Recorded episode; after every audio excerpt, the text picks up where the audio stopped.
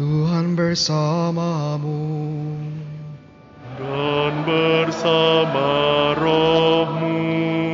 Inilah Injil suci menurut Santo Lukas. Dimuliakanlah Tuhan. Sekali peristiwa Yesus berbicara kepada orang banyak tentang kerajaan Allah dan ia menyembuhkan orang-orang yang memerlukan penyembuhan.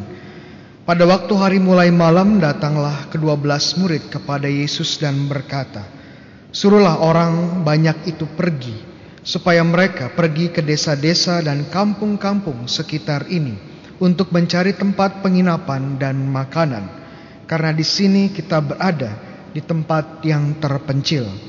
Tetapi Yesus berkata kepada mereka, "Kamu harus memberi mereka makan." Mereka menjawab, "Apa yang ada pada kami tidak lebih dari lima roti dan dua ikan." kecuali kalau kami pergi membeli makanan untuk semua orang banyak itu. Sebab di situ ada kira-kira lima ribu orang laki-laki. Lalu Yesus berkata kepada murid-muridnya, suruhlah mereka duduk berkelompok-kelompok, kira-kira lima puluh orang setiap kelompoknya. Murid-murid melakukannya dan menyuruh semua orang banyak itu duduk. Yesus mengambil lima roti dan dua ikan itu lalu menengadah ke langit dan memberkati, kemudian memecah-mecah roti itu dan memberikannya kepada para muridnya supaya dibagi-bagikan kepada orang banyak. Mereka semuanya makan sampai kenyang, lalu dikumpulkan potongan-potongan roti yang lebih sebanyak 12 bakul. Demikianlah sabda Tuhan. Terpujilah Kristus.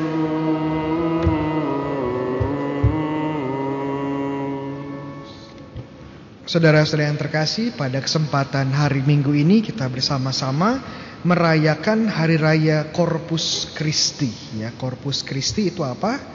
Ya, Corpus Christi bahasa Latin dari tubuh Kristus ya, perayaan tubuh dan darah Kristus di mana kita bersama-sama dipanggil untuk merenungkan lebih dalam lagi, dipanggil untuk menghormati dan menyembah lebih dalam lagi tentang Yesus Kristus yang sungguh-sungguh hadir di dalam ekaristi, tubuh dan darahnya.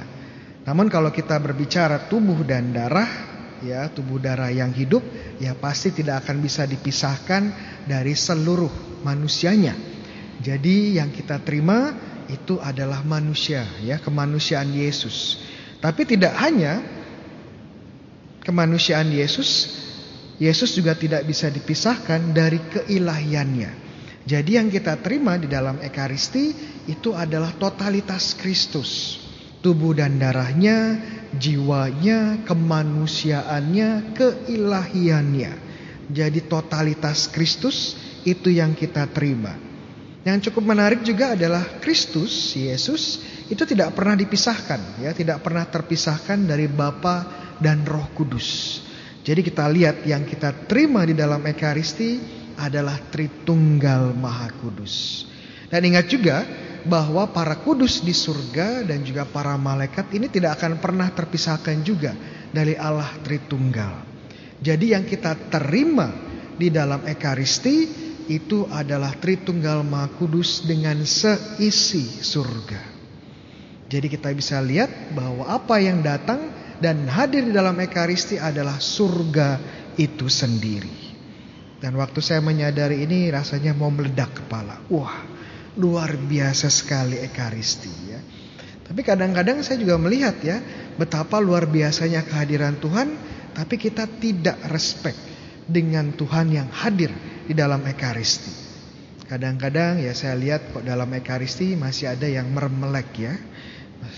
Masih ada yang ngantuk-ngantuk atau tertidur saya juga nggak tahu ya di depan sakramen ekaristi. Ada juga yang masih sibuk mainan dengan HP. Ya nggak tahu mainan apa ya di depan sakramen Maha Kudus. Yang lain mungkin nggak main HP, yang yang lain mungkin penuh sadar ya tetapi pikirannya mungkin ke mana-mana dia. Depan sakramen Maha Kudus ya. Tapi yang dipikirkan nanti kira-kira habis ini mau makan di mana ya? Iya. Mau makan bakso kah? Ya. Atau makan B2 kah? Apa-apa ya. Jadi kadang-kadang ya di depan misteri agung, di depan Allah sendiri dan seisi surga kita nggak memberikan yang terbaik. Yaitu urusan Anda ya dengan Tuhan. Saya hanya bisa mengingatkan. Namun pertanyaan yang lebih jauh adalah bagaimana ini bisa terjadi? Bagaimana roti dan anggur kok bisa menjadi tubuh dan darah Kristus? Romo punya pertanyaan kecil. Di momen apa di dalam Ekaristi tubuh dan darah Kristus sungguh ada? Roti dan anggur tidak lagi roti dan anggur tapi tubuh dan darah Kristus. Di momen apa? Ada yang tahu nanti dapat hadiah ya. Hadiahnya apa? Iya, pisang ya. Tapi kebetulan pisangnya belum panen, jadi saya cicil dulu ya. Nanti dapat setengah pisang. Ya. Dalam momen apa?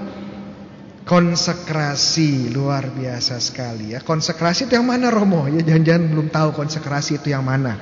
Konsekrasi itu momen di mana Romo mengatakan atau mengulangi kata-kata Yesus sendiri, inilah tubuhku, inilah darahku. Dan kemudian roti dan anggur yang adalah tubuh dan darah Kristus diangkat untuk kita sembah ya. Makanya ada bunyi gong. Wah, kadang-kadang gongnya keras sekali ya. Romonya juga kaget ya. Ada bunyi loncengnya juga untuk menandakan ini momen yang paling sakral di mana surga sungguh turun di dunia dan hadir di tengah-tengah kita. Wah, luar biasa sekali.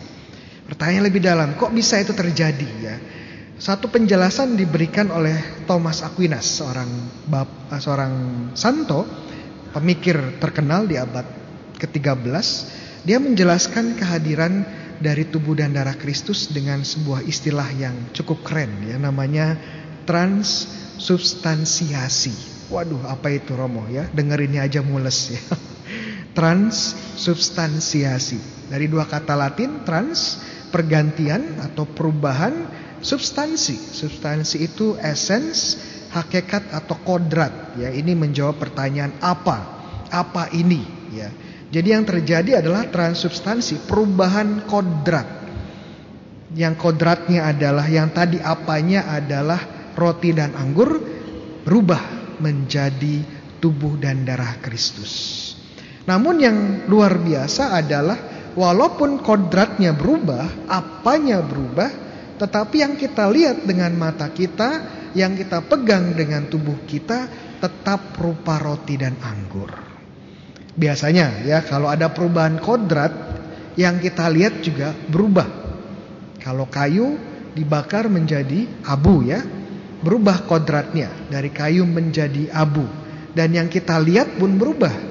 Yang tadi kayu terlihat kayu sekarang terlihat seperti abu, terlihat abu ya. Namun yang terjadi dalam ekaristi, dalam transubstansiasi, walaupun kodratnya berubah, esensinya berubah, yang terlihat tidak berubah. Yang tetap kita lihat, yang tetap kita pegang ya rupa roti dan anggur. Tapi kalau kita tanya ini apa? Ini adalah tubuh dan darah Kristus. Waduh, kok kayaknya nggak masuk akal Romo. Kok kepala saya mulai pusing dengerinnya Romo. Apa mungkin itu terjadi? Apa mungkin itu bisa terjadi? Jawabannya mungkin saja. Karena iman kita mengatakan tidak ada yang mustahil bagi bagi Tuhan. Kalau Tuhan bisa menciptakan, ya menciptakan dunia, menciptakan universe, ya dari ketiadaan menjadi ada. Kalau teman-teman percaya multiverse ya, itu juga Tuhan yang menciptakan. Kalau Tuhan bisa menciptakan tingkatan hierarki malaikat, malaikat memang ada tingkatannya Romo. Ya, menurut tradisi Katolik ada. Contohnya apa Romo? Contohnya yang tingkat pertama namanya serafim ya. Tingkat kedua ada yang tahu namanya apa? Namanya serubim ya, sampai sembilan tingkat. Kalau mau lebih detail silahkan cek di YouTube saya ya, Bayu Ruseno. Hierarki malaikat, tradisi Katolik. Kalau Tuhan bisa buat itu ya, kalau Tuhan bisa menciptakan ya partikular subatomik ya dan mempertahankan agar tetap ada Ya kalau Tuhan bisa menciptakan yang namanya kehidupan di dunia, Tuhan juga pasti bisa ya dengan kuasanya hadir di dalam ekaristi secara nyata. Jadi bukan suatu hal yang mustahil bagi Tuhan. Kalau kita sudah lihat banyak mukjizat yang Tuhan lakukan. Ini adalah mukjizatnya. Namun saya harus menekankan bahwa mukjizat Ekaristi adalah mukjizat yang paling dahsyat. Kalau teman-teman cari mukjizat nggak usah jauh-jauh, ada di dalam Ekaristi. Kalau teman cari surga, nggak usah mati dulu ya. Ada yang mau masuk surga? Ya, nggak ada ya, nggak mau angkat tangan ya, takut mati. Ya. Tapi sebenarnya nggak perlu mati. Surga sudah ada di sini. Yang menarik adalah mukjizat ini adalah mukjizat yang paling dahsyat. Kalau kita kembali ke bacaan Injil, bacaan Injil berbicara tentang penggandaan roti. Dan ini penggandaan roti mukjizat yang luar biasa. Kenapa? Karena dari lima roti dan dua dua apa? Dua ikan untuk memberi makan berapa? Lima ribu orang. Itu baru laki-laki ya. Belum menghitung wanita dan anak-anak. Kalau teman-teman di gereja ini sekarang dihitung ada berapa orang? Kira-kira ada berapa orang di gereja ini? Sekarang mungkin hanya 300 ya, 300 orang. Sangat kecil. Dibandingkan 5000 orang gak ada apa-apanya di sini. Tapi bahkan hanya dengan roti 5 biji Tuhan bisa melipat gandakan itu dan memberikan makan kepada semuanya sampai kenyang. Bahkan ada sisanya. Sisanya berapa? 12 bakul. Luar biasa. Namun kalau kita bandingkan sebenarnya mujizat yang dilakukan Tuhan Yesus ini ya luar biasa, tetapi ada yang lebih luar biasa lagi. Kalau kita kembali ke perjanjian lama, kita akan melihat bahwa Tuhan juga menyediakan roti, menyediakan makanan kepada bangsa Israel, ya ribuan mereka. Tidak hanya sehari, tidak hanya dua hari, tapi berapa hari? Berapa lama? Betul? 40 tahun. Luar biasa sekali. Tuhan bisa melakukan itu. Dan ini mukjizat yang luar biasa. Tapi saya bilang sekali lagi, dibandingkan Ekaristi yang mukjizat tadi nggak ada apa-apanya. Lah, kok bisa Romo? Mukjizat-mukjizat tadi nggak ada apa-apanya. Iya, karena mukjizat-mukjizat yang tadi pelipat gandaan roti, memberi makan apa mana dari surga itu hanya memuaskan lapar badani. Itu hanya memuaskan kebutuhan biologis. Tapi setelah itu lapar lagi, setelah lapar ya bisa mati lagi. Hanya berakhir sampai kenyang tubuh. Tapi ekaristi, tubuh Kristus itu mengenyangkan sebuah lapar yang tidak bisa dikenyangkan oleh roti biasa. Kelaparan rohani kita. Makanya Tuhan Yesus bilang ya kalau kita baca Yohanes bab 6 ayat 54 kalau nggak salah. Sebarang siapa yang makan tubuhku dan minum darahku dia akan memiliki apa? Kehidupan kekal. Dan aku akan membangkitkan dia kapan? Di hari terakhir. Ini yang diberikan oleh Ekaristi. Kehidupan kekal. Saya mau tanya, terakhir ya. Kenapa saat kita menerima Ekaristi itu disebut sebagai menerima komuni? Kenapa yang dipakai kata komuni? Ya suka-suka gereja Romo memanggil apa gitu ya. Kata komuni kalau kita lihat bahasa Latinnya itu komunio ya dan kemudian diterjemahkan ke bahasa Inggris communion. Kemudian diserap ke bahasa Indonesia menjadi komuni. Ya, komunion artinya persatuan. Artinya persekutuan, menjadi satu. Itu yang ditawarkan oleh Yesus, menjadi satu dengan Yesus. Setiap kali kita merayakan Ekaristi dan menerima tubuh Kristus, komuni menjadi satu dengan Yesus. Pertanyaan terakhir, surga itu apa? Surga itu tidak lain adalah persatuan kita dengan Tuhan secara sempurna. Dan saat kita menerima komuni, kita menerima surga. Surga sudah mulai di dalam Ekaristi. Dan kalau kita tekun menerima Ekaristi, kalau kita menghormati Ekaristi, kalau kita sungguh-sungguh mempersiapkan diri dengan baik menerima Ekaristi, kita sudah mempersiapkan diri untuk memasuki surga. Pengen masuk surga? Terima Ekaristi dengan baik. Amin. Tuhan bersamamu.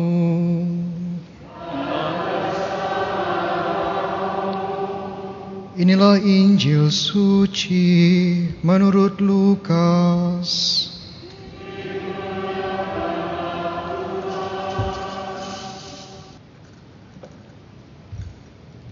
Sekali peristiwa Yesus berbicara kepada orang banyak tentang kerajaan Allah dan ia menyembuhkan orang-orang yang memerlukan penyembuhan. Pada waktu hari mulai malam, datanglah kedua belas murid kepada Yesus dan berkata, Suruhlah orang banyak itu pergi, supaya mereka pergi ke desa-desa dan kampung-kampung sekitar ini untuk mencari tempat penginapan dan makanan, karena di sini kita berada di tempat yang terpencil. Tetapi Yesus berkata kepada mereka, kamu harus memberi mereka makan. Mereka menjawab, yang ada pada kami tidak lebih dari lima roti dan dua ikan. Kecuali kalau kami pergi membeli makanan untuk semua orang banyak itu. Sebab di situ ada kira-kira lima ribu orang laki-laki. Lalu Yesus berkata kepada murid-muridnya, Suruhlah mereka duduk berkelompok-kelompok, kira-kira lima puluh orang setiap kelompok. Murid-murid melakukannya dan menyuruh semua orang banyak itu duduk. Yesus mengambil lima roti dan dua ikan itu, lalu menengadah ke langit dan memberkati. Kemudian memecah-mecahkan roti itu dan memberikannya kepada para muridnya, supaya dibagi-bagikan kepada orang banyak itu. Mereka semuanya makan sampai kenyang, lalu dikumpulkan potongan-potongan roti yang lebih sebanyak 12 bakul. Demikianlah Injil Tuhan.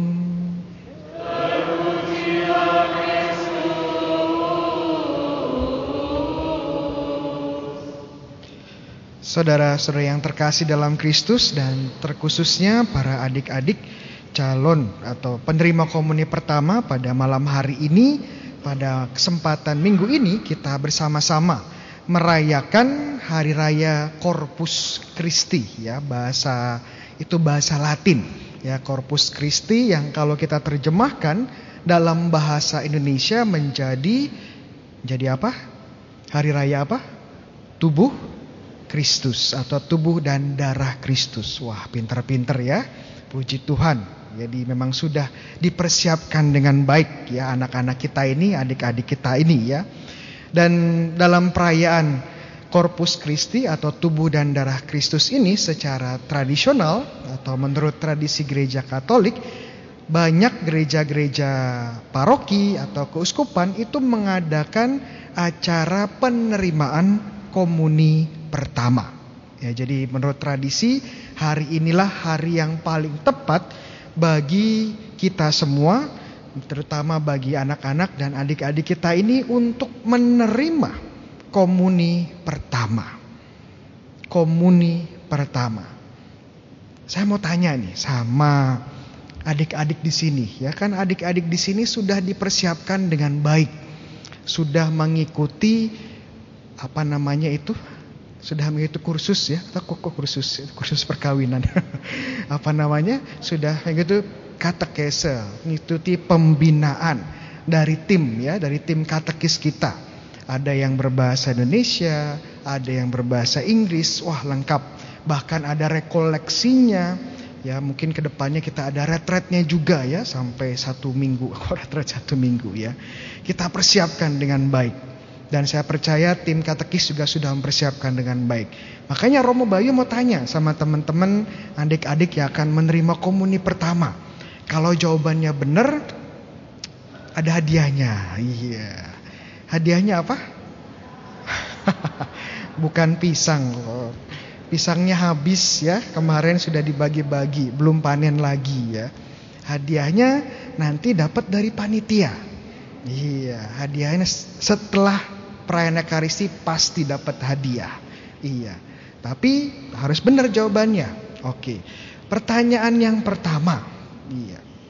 Di dalam Ekaristi di momen apakah roti dan anggur itu berubah menjadi tubuh dan darah Kristus?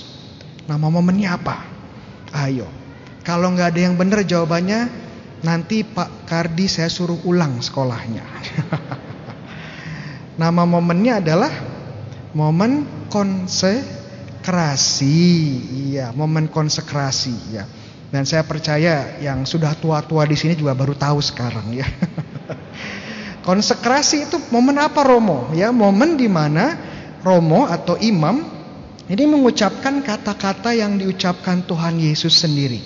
Inilah tubuhku, inilah darahku. Dan kemudian tubuh dan darah Kristus itu diangkat, ya, diangkat untuk kita sembah. Itu namanya konsekrasi. Biasanya di sini ada lonceng yang berbunyi dan gong yang berbunyi juga, menandakan ini momen yang sangat penting, momen yang sangat suci tubuh dan darah Kristus ya. Pertanyaan kedua, waduh, tadi ada yang benar Pak Kardi atau salah semua? Iya, benar semua ya. Oke. Pertanyaan kedua, kalau benar dapat hadiah lagi ya. Nanti ada kitab suci ya. Ada kitab suci dari Ibu Panitia. Tadi Ibu Desi bilang ada kitab suci buat yang benar ya. Kita lihat pertanyaan berikutnya. Tadi dikatakan menerima komuni pertama. Ada yang tahu nggak arti kata komuni itu apa? Waduh, susah Romo, udah mulai mules. iya, kata komuni. Kenapa disebut kata komuni? Menerima komuni. Kenapa? Karena kata komuni ini sebenarnya dari bahasa Latin ya, komunio yang diterjemahkan ke bahasa Inggris communion ya menjadi komuni artinya persatuan saat kita menerima ekaristi, tubuh dan darah Kristus, menerima komuni, kita menjadi satu dengan siapa? Tuhan Yesus ya. Bukan menjadi satu dengan Romo Bayu, bukan ya. Dengan Tuhan Yesus. Oke, mau pertanyaan lagi? Sudah cukup ya, udah mules dengerin Romo Bayu ya. ya itu nunduk-nunduk ya Romo. Jangan diteruskan Romo. Oke. Jadi kenapa ini momen penting ya? Karena di sinilah pertama kali anak-anak kita, adik-adik kita menerima tubuh dan darah Kristus. Dan sudah saya sebutkan tadi namanya komuni. Momen persatuan. Momen komunion antara tubuh antara Yesus dengan anak-anak kita. Jadi ini momen-momen yang sangat berharga. Makanya dipersiapkan sebaik mungkin ya. Kita lihat bajunya pakai warna putih semua ya. Ada yang pakai apa itu dasi kupu-kupu. Waduh ya. Warnanya apa? Emas. Wah, pokoknya spesial. Yang ceweknya pakai apa namanya? Pakai mahkota ya, bukan mahkota duri ya. pakai mahkota yang sudah disiapkan terlihat seperti malaikat. Iya, setuju? Seperti malaikat ya? Ya, nggak seperti Romo Bayu udah kelihatan ya, tanduknya udah kelihatan. seperti malaikat dipersiapkan untuk menerima tubuh dan darah Kristus. Dan saya mengucapkan banyak terima kasih kepada orang tua yang di sini yang sudah membawa putra dan putrinya untuk menyambut Yesus. Karena saya percaya ini adalah pemenuhan dari apa? Janji apa? janji pernikahan ya. Saat teman-teman menikah ada satu janji yang diucapkan. Bersediakah ya Bapak dan Ibu untuk menerima anak yang diberikan Tuhan dan mendidik mereka di dalam iman iman apa? Iman Katolik. Salah satunya adalah mempersiapkan mereka menerima tubuh dan darah Kristus. Tapi saya tekankan lagi belum selesai tugasnya. Ini adalah milestone ya, ini adalah pencapaian cukup besar, tapi belum selesai. Kenapa? Tugas orang tua terus mendampingi sampai tuntas. Ke depannya harapannya teman-teman ini ikut lebih aktif di gereja ya.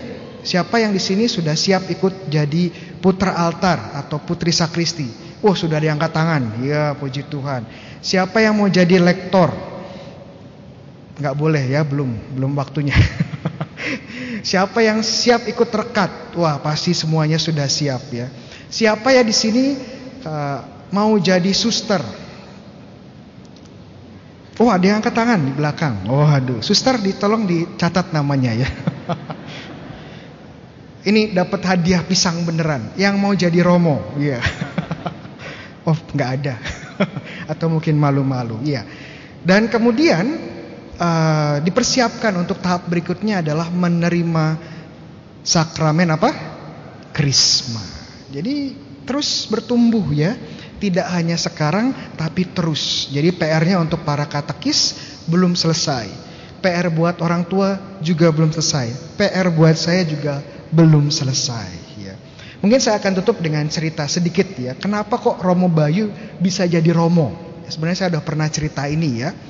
Waktu saya kecil, setelah menerima komuni pertama, saya juga masih ingat ya, pakai baju putih, tapi celananya hitam ya, pakai dasi kupu-kupu juga.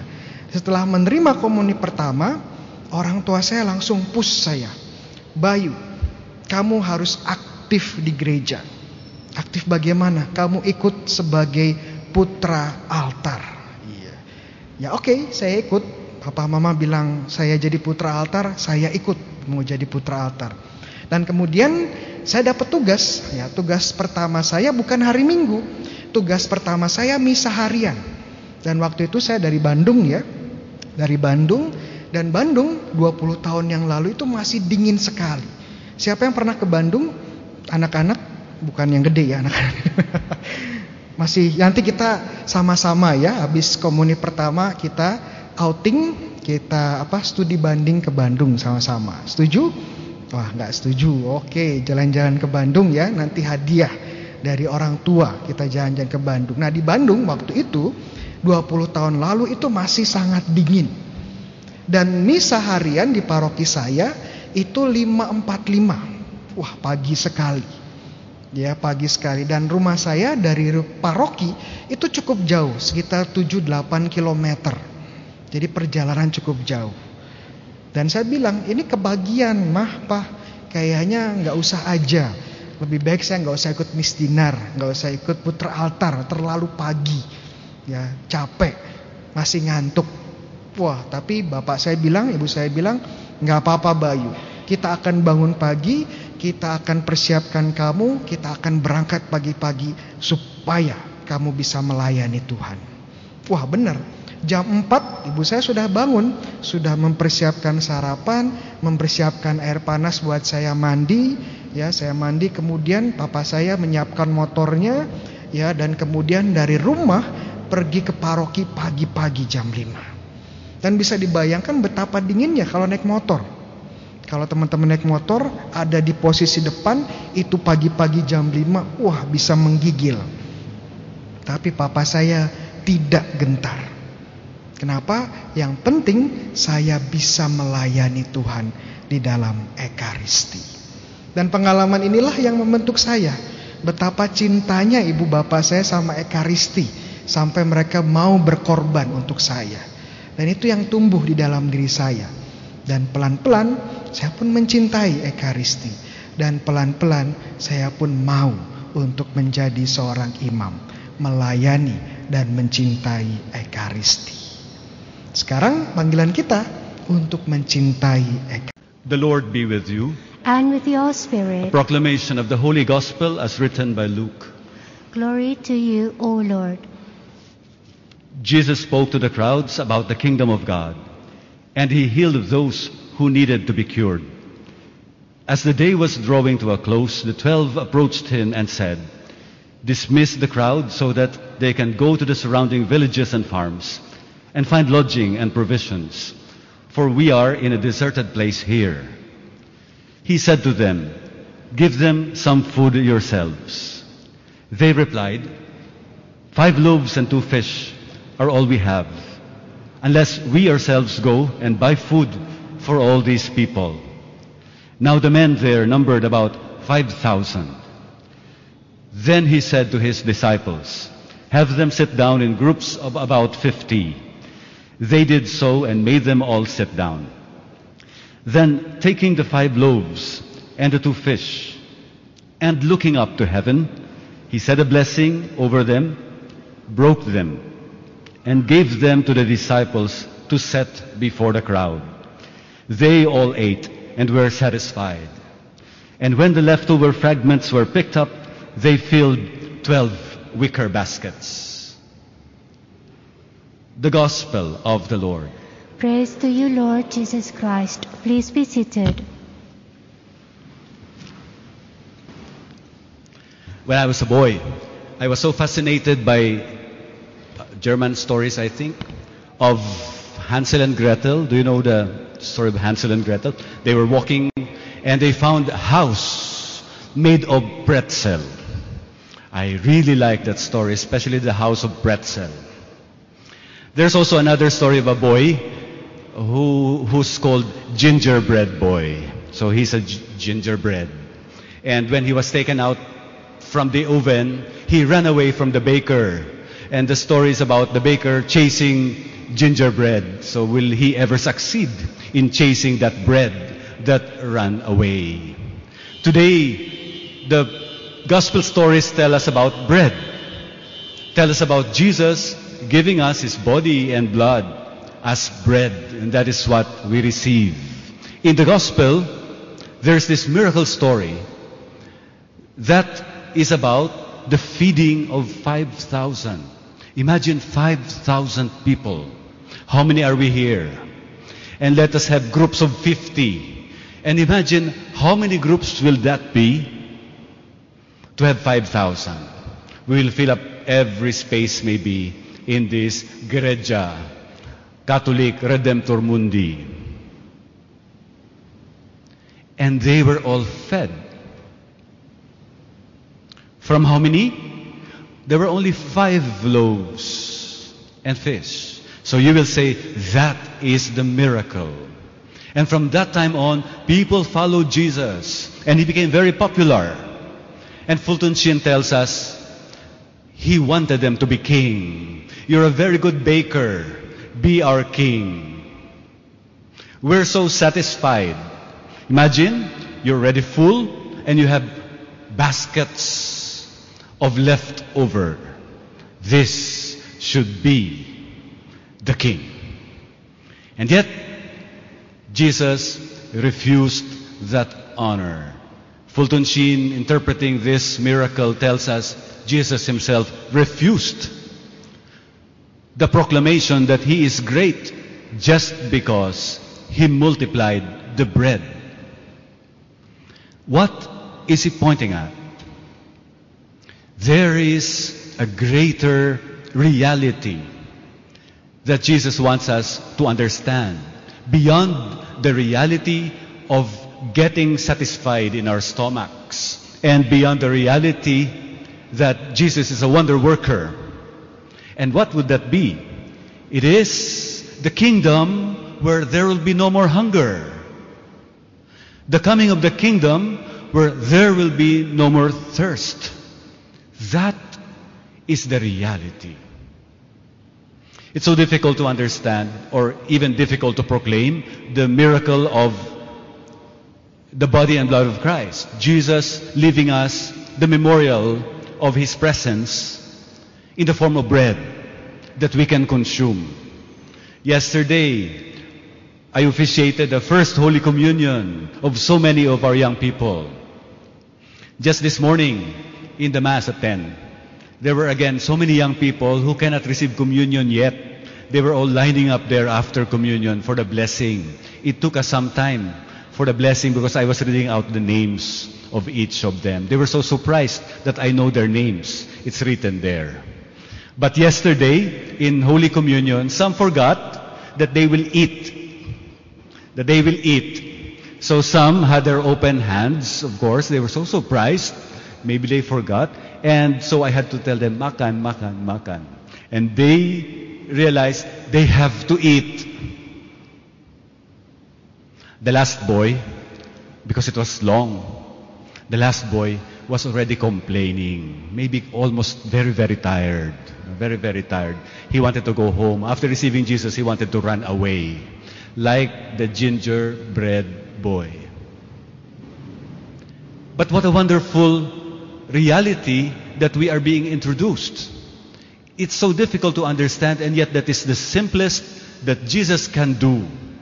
Because what is more difficult will be to understand that reality of His abiding presence in us in the form of bread. We're so used to the term virtual reality. So, what kind of reality are we receiving in Holy Communion? What kind of reality are we proclaiming in faith in the Corpus Christi, the body and blood of Christ? It is more than virtual reality. So, our church is so advanced. Before virtual reality has, we have actually what we can call reality, reality. Reality exceeding our ability to comprehend reality. And that is why we are told we can only understand that through love.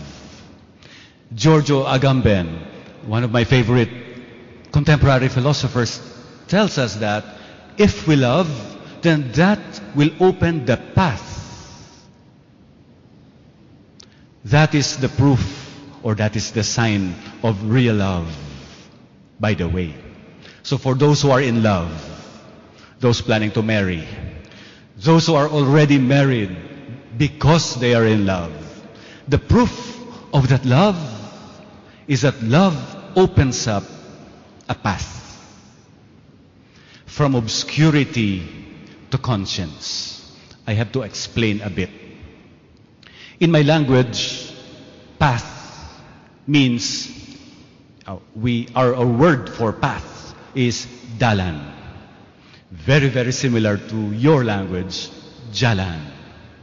We have five meanings for dalan. For jalan. The first one is the physical jalan. That path. That is the first. No need to explain. The second meaning is, since it is a way, it is also a method. It is a methodology. It is a means. It is a manner of proceeding. That's the second meaning. The third meaning is quite unique, I would think, to our linguistic comportment. When we say dalan, it's also watching. So if you're watching TV in our language, it means I am dalan. I am dalan TV. If you're into the computer, maybe playing games or chatting, you're still dalan the computer. Jalan the computer. You're on the way, in other words. But since it is viewing, it has something to do with seeing. In Greek, it means theoria. Theory. A theory, therefore, is a visual. You see. Isn't it that when you do not understand something and then you begin to understand, you say, I see. That's theoria. I understand. So there is a fourth meaning to jalan. The fourth meaning is study. Because it is about understanding, it is about seeing, it is about theory, then it is about contemplation. When we reflect, when we contemplate, then that is also being on the way. Last but not the least, the most important meaning is if path, the path that is opened up for us, is not only a physical path, it is not only a methodology, it is not only about a vision or a theory, it's not even only about understanding, it is about conscience. The most important of all. What is conscience? Sometimes we're brought up into catechism, very basic, that tells us that conscience is some, someone speaking to us, telling us, that's bad, don't do that. So we grow up thinking that conscience is quite negative. Telling us, that's bad, do this, do that. So sometimes we don't like conscience. We like to run away from conscience. But that is not the case. In fact, conscience is the most important. Why? Because put positively, conscience is feeling with God.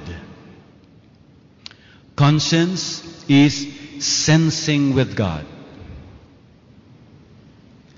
Conscience, therefore, is the life of God in us, directing us to understand even more deeply those things that we cannot understand by our minds.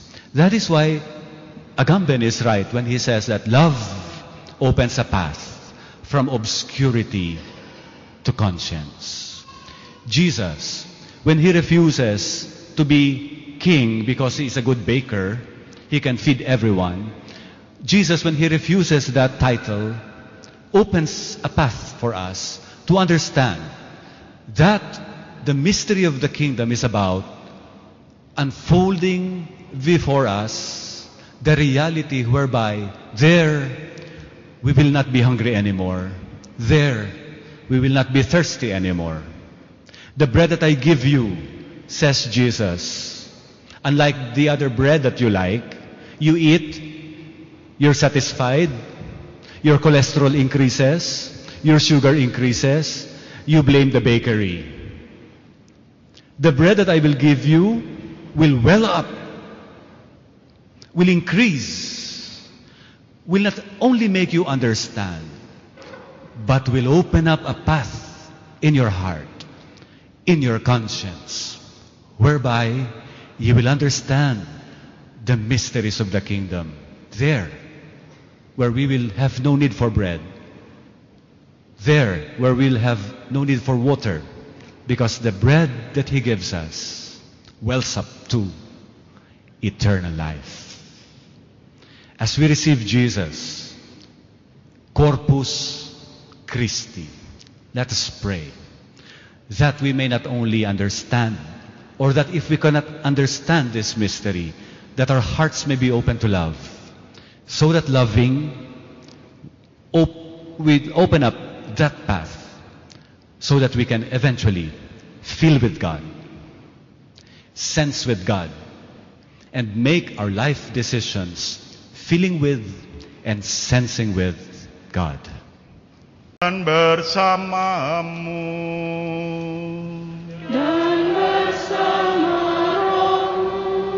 Inilah Injil suci menurut Santo Lukas.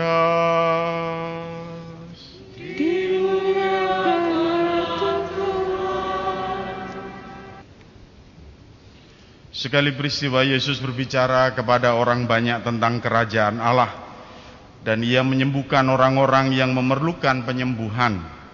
Pada waktu hari mulai malam, datanglah kedua belas murid kepada Yesus dan berkata, Suruhlah orang banyak itu pergi, supaya mereka pergi ke desa-desa dan kampung-kampung di sekitar sini, untuk mencari tempat penginapan dan makanan, karena di sini kita berada di tempat yang terpencil. Tetapi Yesus berkata kepada mereka, "Kamu harus memberi mereka makan." Mereka menjawab, "Yang ada pada kami tidak lebih dari lima roti dan dua ikan, kecuali kalau kami pergi membeli makanan untuk semua orang sebanyak ini." Sebab di situ ada kira-kira lima ribu orang laki-laki. Lalu Yesus berkata kepada murid-muridnya, Suruhlah mereka duduk berkelompok-kelompok, kira-kira 50 orang setiap kelompok. Murid-murid melakukannya dan menyuruh semua orang banyak itu duduk. Yesus mengambil lima roti dan dua ikan itu, lalu menengadah ke langit dan memberkati. Kemudian memecah-mecahkan roti itu dan memberikannya kepada para muridnya, supaya dibagi-bagikan kepada orang banyak. Mereka semuanya makan sampai kenyang, lalu dikumpulkan potongan-potongan roti yang lebih sebanyak 12 bakul. Demikianlah sabda Tuhan.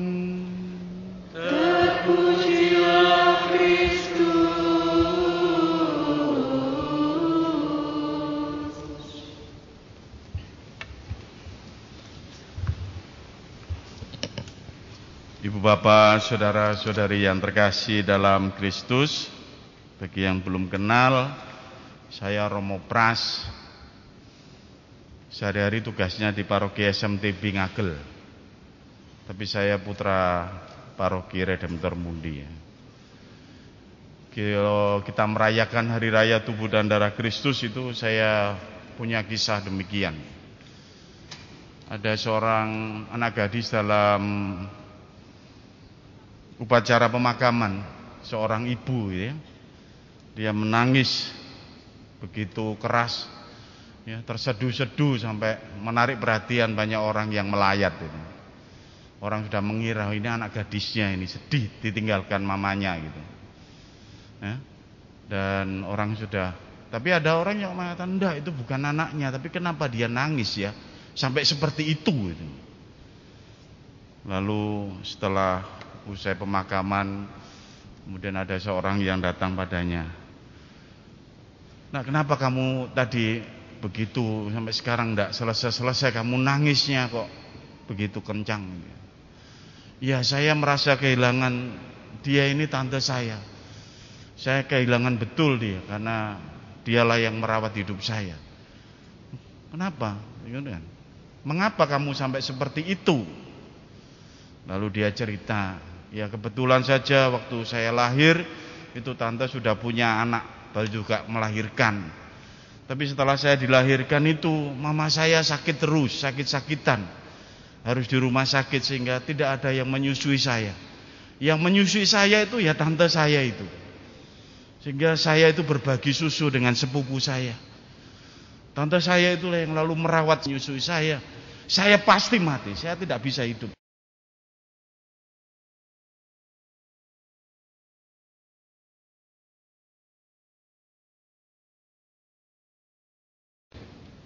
Karena mama memang sakit-sakitan sejak melahirkan saya.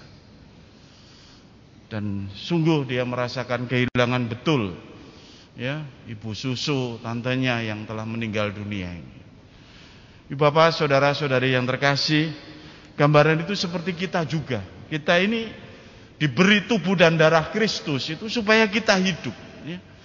supaya kita sungguh memperoleh keselamatan dari Tuhan itu. Tuhan yang memberikan putranya supaya berkorban bagi Anda dan saya gitu. Dia mengorbankan supaya kita itu makan tubuh dan darahnya. Ya.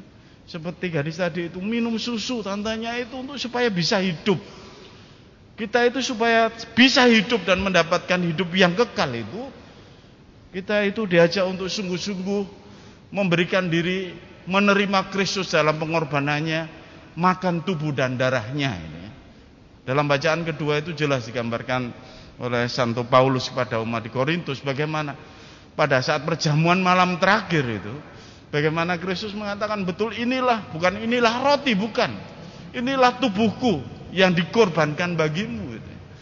dan inilah darah yang memang menjadi ditumpahkan untukmu dan untuk pengampunan dosa.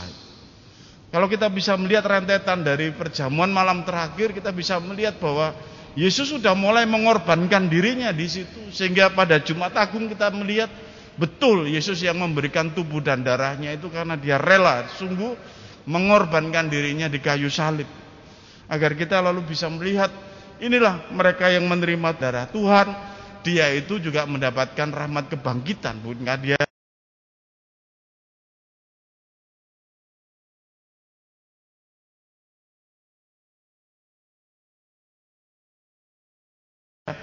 rahmat kebangkitan Kristus ini sebagai putra sulung dan kita ini anak-anak berikutnya gitu. Nah, Bapak, saudara-saudariku yang terkasih dalam Kristus, korban Kristus ini adalah korban yang sempurna, korban yang tidak perlu diulang-ulang terus gitu ya. Korban yang seperti bukan korban kemudian ada saatnya berkenan, ada saatnya tidak berkenan, kurang ugo rampene, kurang sesajine dan sebagainya. Enggak. Karena ini korban yang paling sempurna. Korban yang paling ultim. Korban yang di mana Tuhan Yesus memberikan dirinya agar kita hidup. Dia mengorbankan nyawanya agar kita itu sungguh makan tubuh dan darahnya supaya memperoleh hidup yang kekal gitu.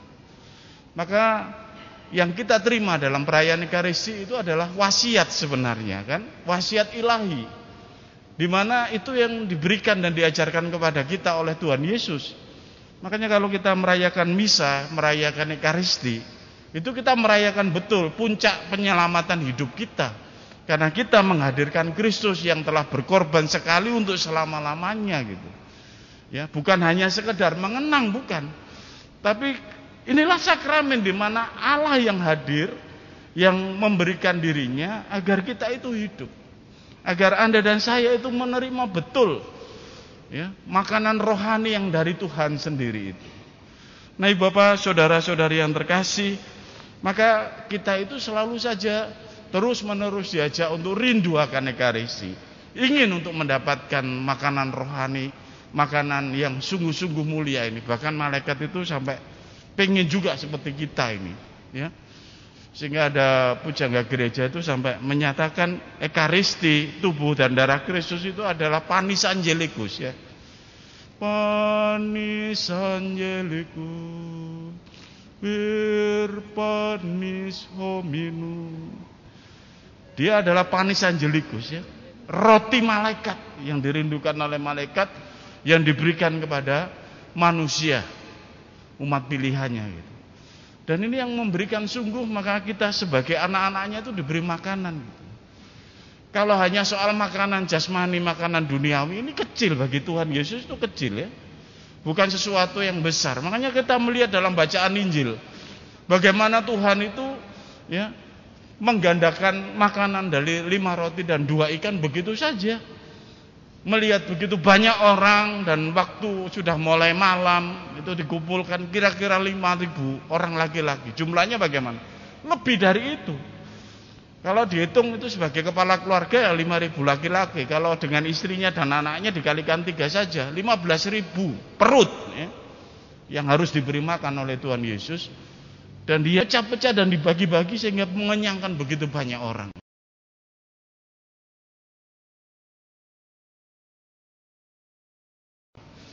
Tapi yang lebih penting bukan sekedar makanan jasmani duniawi ini, tapi makanan keselamatan itu. Ya. Bukan hanya sekedar roti yang mengenyangkan perut kita, tapi roti yang membawa kehidupan kekal. Roti yang sungguh-sungguh membawa kita sungguh bersatu dengan Tuhan kita. Maka Bapak, saudara-saudari yang terkasih dalam Kristus, dalam hari raya tubuh dan darah Kristus ini kita diajak kembali untuk menghargai betul apa yang ditanamkan, apa yang diwariskan kepada Anda dan saya yaitu makanan keselamatan ini. Makanya itu sungguh agung dan mulia gitu. Tantangannya apa kalau kita bisa melihat ya? Tantangan kita ini kan soal karena menghadapi pandemi ini ya. Sebelum pandemi banyak orang itu menempatkan ekaristi itu dalam kehidupannya yang pertama. Aku nek gak misa iku rasane ana sing kurang, Rom. Aku kudu misa. Ya lewati pandemi kita tidak boleh ke gereja, tidak boleh hadir dalam perayaan Ekaristi, tidak bisa menerima tubuh dan darah kecuali misa online gitu. Nah, ini ternyata menurunkan semangat umat itu ya. Untuk menghargai Ekaristi, menghargai tubuh dan darah Kristus gitu ya. Pasca pandemi sekarang lebih terbuka, lebih bisa ya. Di beberapa paroki sudah bebas boleh ikut misa siapa pun, di sini masih harus terkontrol juga. Tapi sudah lebih terbuka jauh dan umat boleh hadir dalam gereja. Tapi tidak semua umat akhirnya kemudian menempatkan ekaristi ini di dalam prioritas hidupnya. Ah, ya wis lah ngemol dhisik engko nek wektune telat ya wis gak usah misa, gak apa-apa, sing penting iso misa online gitu. Ekaristi tidak jadi penting lagi.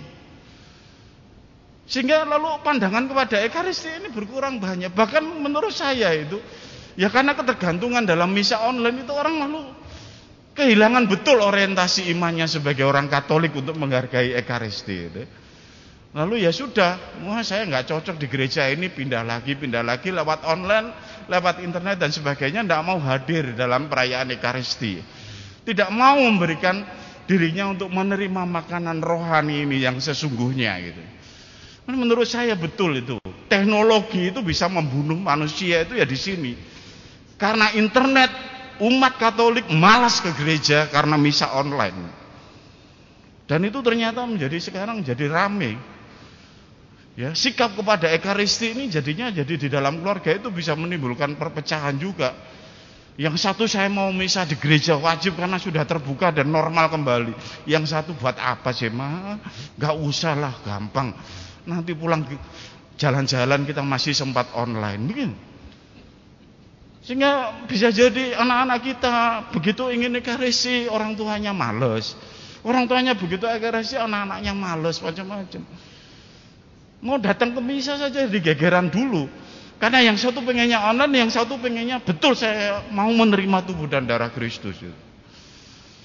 Pandangan yang kedua kita bisa melihat dalam perayaan Ekaristi ini lalu orang tidak punya prioritas lagi, ya. Orang merasa ya sudah gampang lah misa di mana-mana kalau tidak di Redemptor Mundi tidak ditayangkan ya sudah saya bisa belonjo, ya misa dari HKY, misa dari Jakarta, misa dari Papua lewat online. Sehingga lalu ada hal-hal yang seharusnya dibawa Ekaristi itu menjadi utama prioritas. Apalagi ini kan musim orang punya gawe, orang punya acara-acara undangan, pesta macam-macam, nikahan dan sebagainya. Ah gampang Ekaristi digeser ke sana kemari gitu. Tidak menjadi yang utama gitu. Ini tantangan kita, Ibu Bapak, saudara-saudari yang terkasih Ya, pasca pandemi meskipun tantangannya tidak bisa begitu normal, tapi kesempatan untuk bisa hadir dalam perayaan Ekaristi itu menjadi sungguh panggilan yang luar biasa.